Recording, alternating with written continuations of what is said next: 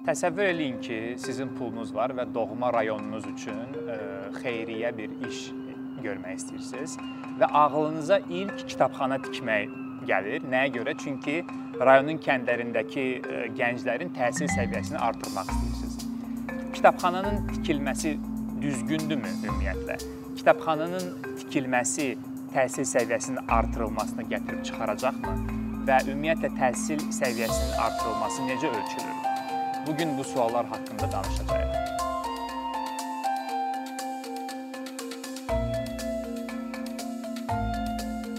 Adım Adnan Hacızadədir və mən 3 ildən çoxdur ki, ictimai sektor konsaltinq e, sahəsində e, data təhlilçisi vəzifəsində işləyirəm. Bu gün sizinlə qərar vermə prosesində e, datanın vacibliyindən danışacağam. Birinci ondan başlayaq ki, data nədir? Data məlumatların və ölçülərin nizamlanmış toplusudur. Dataya sözlər daxil ola bilər, rəqəmlər daxil ola bilər, ölçülər daxil ola bilər və başqa məlumatlar. Məsələn, Neftçi klubunun vurduğu qolların sayı hər oyunda. Bu datadır. Gün ərzində Azərbaycanda vurulmuş telefon zənglərinin sayı və onların müddəti bu da datadır və yaxud da Azərbaycan dilinin e, izahlı lüğəti, o da e, data nümunəsi ola bilər. Datanın əsas iki növü var. Quantitative data, yəni kəmiyyət datası, bu ölçülə bilən datadır və qualitative data, yəni keyfiyyət datasıdır. Kəmiyyət datasına ölçülə bilən ə, e, məlumatlar daxildir. Məsəl üçün nəyinsə uzunluğu, sürəti, hansısa bir rəqəmlər. Keyfiyyət datasına daha mücərrəd ölçülməsi daha çətin olan ə, məlumatlar daxildir. Bunlar da misal üçün insanların hissləri, onların duyğuları, hər hansı bir ə, sorğuların cavabları daxildir. Hazırda data elmin inkişafı ilə big data, yəni böyük data məfhumu da meydana gəlib. Bu iri həcmli datadır ki, o həm kəmiyyət datasını özündə birləşdirə bilər, həm keyfiyyət datasını özündə birləşdirə bilər. Bu ə,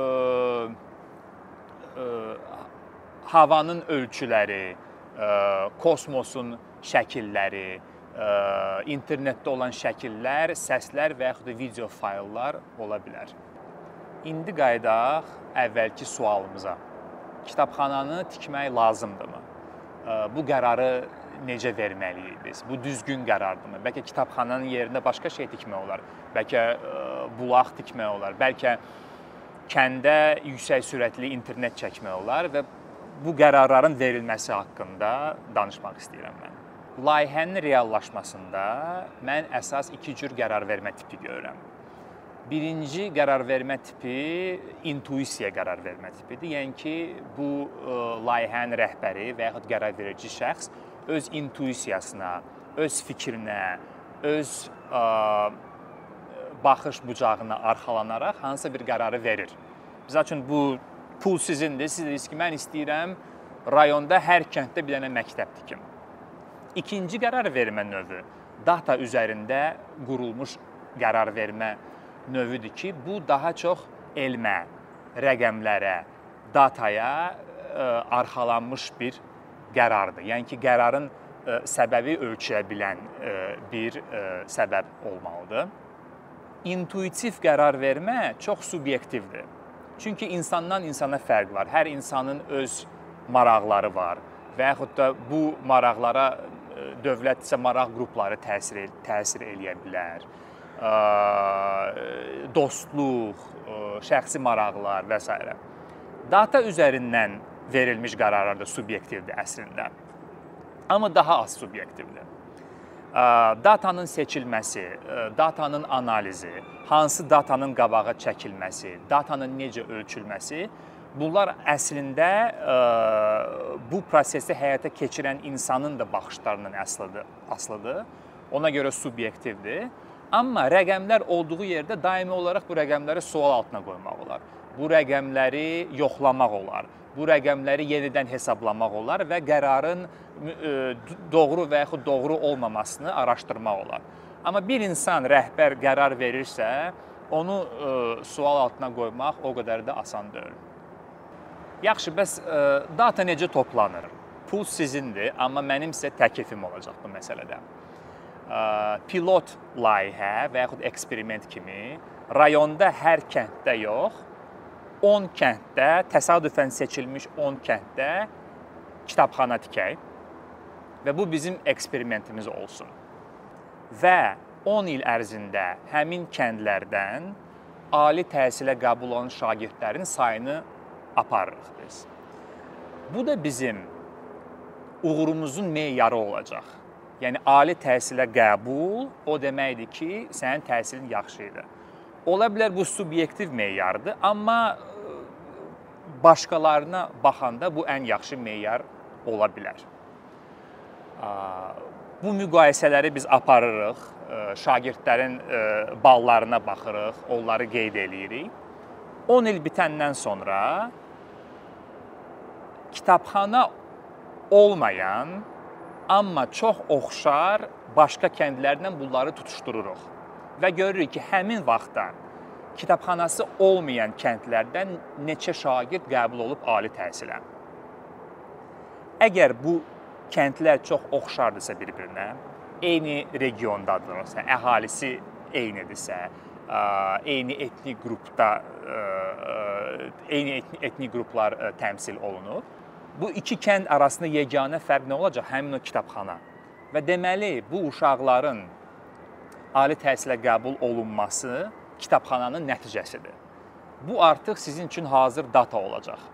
10 ildən sonra görsəz ki, kitabxanası olan kəndlərdən uşaqlar daha çox qəbul olunubsa ali təhsillə və bu fərq statistik cəhətdən əhəmiyyətlidirsə, deməli kitabxana işləyir.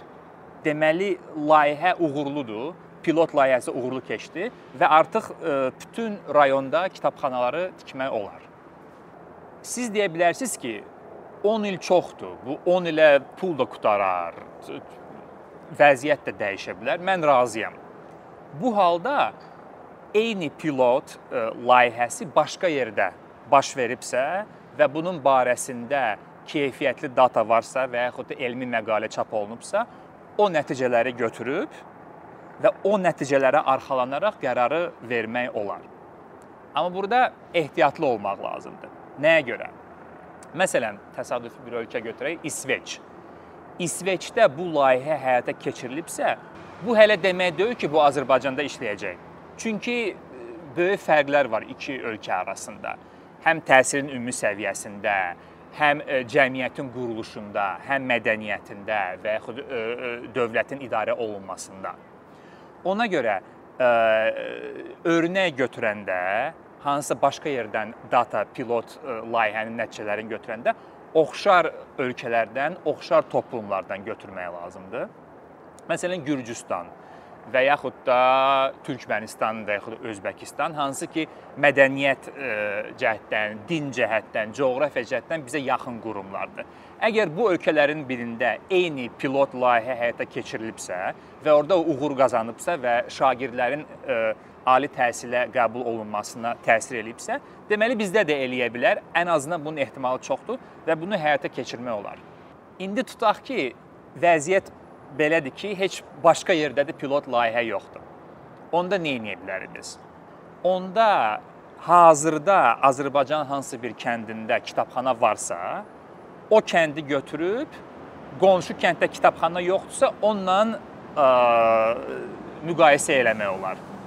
Bunların bir-birinə müqayisə edirsən və nəticədə görürsən ki, ə, fərq nədir tələbələrin, şagirdlərin qəbul olunmağında. Ə, amma bu eksperiment cəhətdən daha zəif nəticə verəcək ki, çünki ə, kəndlər təsadüfi seçilməsə, bir neçə əlavə faktorlar ola bilər ki, bunlar təhsilin səviyyəsinə təsir edə bilər. Yəni heç nədənsə bu üçüncü variant daha yaxşıdır, amma anlamaq lazımdır ki, bu daha zəif variant olacaq. Amma yenə də ümumiyyətlə heç e, datasızlıqdansa e, daha az keyfiyyətli datadan istifadə etmək daha məqbuldur. Onu da yadda saxlamalıyıq ki, e, dataya arxalanmaq heç də asan iş deyil.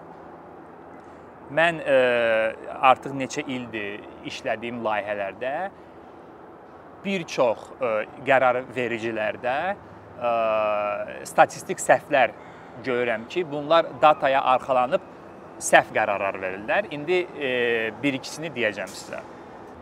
Korrelyasiya ə, hələ də ə, səbəb-nəticə əlaqəsi demək deyil. The correlation is not causation. Yəni iki dənə faktoru, iki dənə ölçünü izləyirsənsə və görürsən ki, bunlar eyni zamanda eyni cürə dəyişirlər. Və səndə belə bir fikir yarana bilər ki, bunlarda asıllıq əlaqəsi var, səbəb-nəticə əlaqəsi var. Bu heç də elə deyil və bu bunu bir çox hallarda görürəm. Məsəl üçün müzakirə eləyirlər çox ki, ə, Danimarkada uşaqlara ev tapşırığı vermirlər. Amma eyni zamanda Danimarkadanın şagirdləri, onların təhsil səviyyəsi dünyada birincidir, yəni test imtahanlarından filan. Yəni sən fikirləşə bilərsən ki, ev tapşırığı yoxdur deyə bu birincidir. Bu heç də elə deyil, çünki 1000 dənə başqa faktor var. Ən əsası da Danimarkada həyat səviyyəsi daha yüksəkdir və valideynlər daha çox vaxt ayıra bilirlər uşaqların təhsilinə, onların səviyyəsinə və ona görə də bu fərq görünür. Və yaxud da ən kobud misal bizdə deyirlər ki, maşınımı yudum, yağış yağdı. Sən 5 dəfə də maşınını yusan, 5 dəfə də yağış yağsa, yağışın yağmasının sənin maşının yumasının faktından əlaqəsi yoxdur əslində. Korrelyasiya var, amma səbəb-nəticə əlaqəsi yoxdur. İkinci fenomen, hansı ki mən tez-tez görürəm, cherry pickingdir. Yəni gilas yığma, gilas yığıcılıq. Bu termin hardan gəlir? Məsəl üçün qabağıma bir səbət gilas gətiriblər yarısı kaldır, amma aralarında yetişmişləri də var. Sən elə yaxşı gilasları yığırsan və deyirsən ki, hə, bütün gilaslar əla idi. Amma bu belə deyil, bütün səbətə baxmaq lazımdır. Bir neçə dəfə mən görmüşəm ki, qərar vericilər qərar verin, qərar verəndə ancaq özlərinə xeyir gətirən datalardan istifadə edirlər. Məsəl üçün bir mövzuda 100 dənə, 200 dənə elmi məqalə çap olunub və orada datalar gətirilib hansı elmi məqalə sənin dünya görüşünə, sənin baxışına uyğundursa, onu seçirsən, ondan yapışırsan, deyirsən ki, biz belə hərəkət edəcəyik, çünki burada belə yazılıb. Amma ki, eyni mövzuda 100 dənə, 200 dənə başqa məqalə yazılıb ki, tamam başqa fikirdədirlər. Buna cherry picking deyirlər və bu yol verilməzdir. Üçüncü məsələ datanın keyfiyyətidir. Data necə yığılıb? Əgər sorğu keçirilibsə, sorğu necə qurulub? Əgər bu hansısa bir müşahidədirsə və yaxud eksperimentdirsə, eksperimentin e, subyektləri necə seçilib? Bunlar hamısı vacibdir və bunlar nəticədə alınan datanın keyfiyyətinə təsir eləyə bilər. Əgər bu hansısa bir elmi məqalədirsə, elmi məqalə e, peer reviewed olmalıdır. Bu deməkdir ki, həmin sahədən e, bir panel peşəkarlar var, hansı ki rəy verməlidir bu məqaləyə. Bir panel var rəy verir, ikinci panel var rəy, rəy verir. Ondan sonra bu hansı bir ə, e, elmi jurnalda çap olunsa, bunu artıq keyfiyyətli data kimi, keyfiyyətli data kimi qəbul eləmək olar. Məsələn, mən indi hansı müşahidə aparıb, hansı məqalələrə istinad gətirib, elmi məqalə formasında bir ə, e, kurs işi yaza bilərəm. Amma bu hələ demək deyil ki, bu keyfiyyətli bir işdir. Bu ə, e, baxışdan keçirilməlidir və öz təsdiqini tapmalıdır. Yalnız ondan sonra bu qərar vermə prosesində iştirak edə bilər. Ekspert demişkən, ə, e, datanın tutaq ki, keyfiyyətli data gəlib deyə həmin sahədə çalışan və həmin sahəni yaxşı bilən insan o dataya baxıb qərar verməlidir. Məsəl üçün mən indi oturub nə qədər də keyfiyyətli data olsa, hansısa bir kosmik uçuşlar barəsində heç bir qərar e, verə bilmərəm. Yəni o o ə, e, sahədən ekspertlər cəlb olunmalıdır ki, bunlar öz ə, e, peşəkar rəylərini bildirsin. Bundan başqa datanın ə, vizualizasiyası var.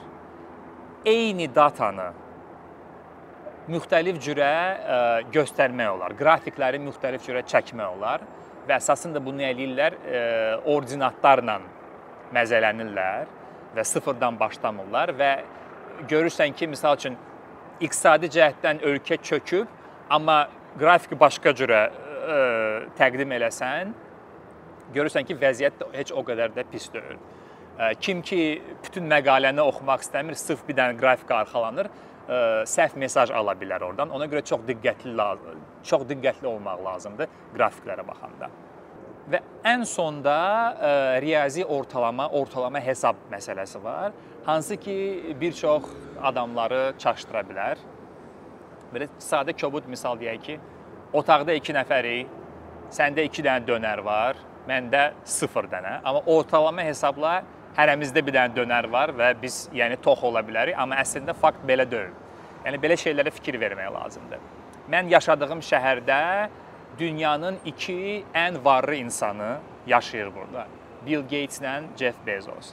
Yəni burada yaşayanların maddi durumuna baxsan, ortalama hesabla bu dünyanın ən varlı şəhəri olmalıdır, Seattle. Amma gəlib burada görürsən ki, heç vəziyyət belə deyil. Çünki bu iki dənə insan həmin o riyazi ortalamanı çəkir çox yuxarı. Amma burada məsəl üçün 10 minə yaxın küçədə yaşayan insan var eyni zamanda. Ona görə nəsə ortalama, average, riyazi ortalamanı görəndə həmişə baxmaq lazımdır ki, bu necə hesablanıb və sual altına qoymaq lazımdır. İndi qayıdaq kitabxanalarımıza. Tutaq ki, biz pilot layihəsi keçirdik nəticələrini bəyəndik və bütün rayonda hər kənddə kitabxana tikdik. Bununla iş bitirmi? Xeyr, bununla iş bitmir. Uğurun ölçülməsi, dataya arxalanmış uğurun ölçülməsi, ingiliscə buna impact assessment deyirlər. Davamlı proses olmalıdır. Yəni bu kitabxanalar tikilibsə, yenə bundan sonra 10 il ərzində bu hesaba aparmaq lazımdır ki, əvvəlki 10 ilə nisbətən qəbul olan şagirdlərin sayı necə dəyişib? Bəlkə pilot üçün seçdiyimiz kəndlər səhv idi. Bəlkə kitabxana tikmək bəs deyil, əlavə resurs ayırmaq lazımdır və daimi olaraq dataya arxalanaraq layihənin keyfiyyəti artırılmalıdır və bu da nəticədə uğurlu layihəyə gətirib çıxaracaq.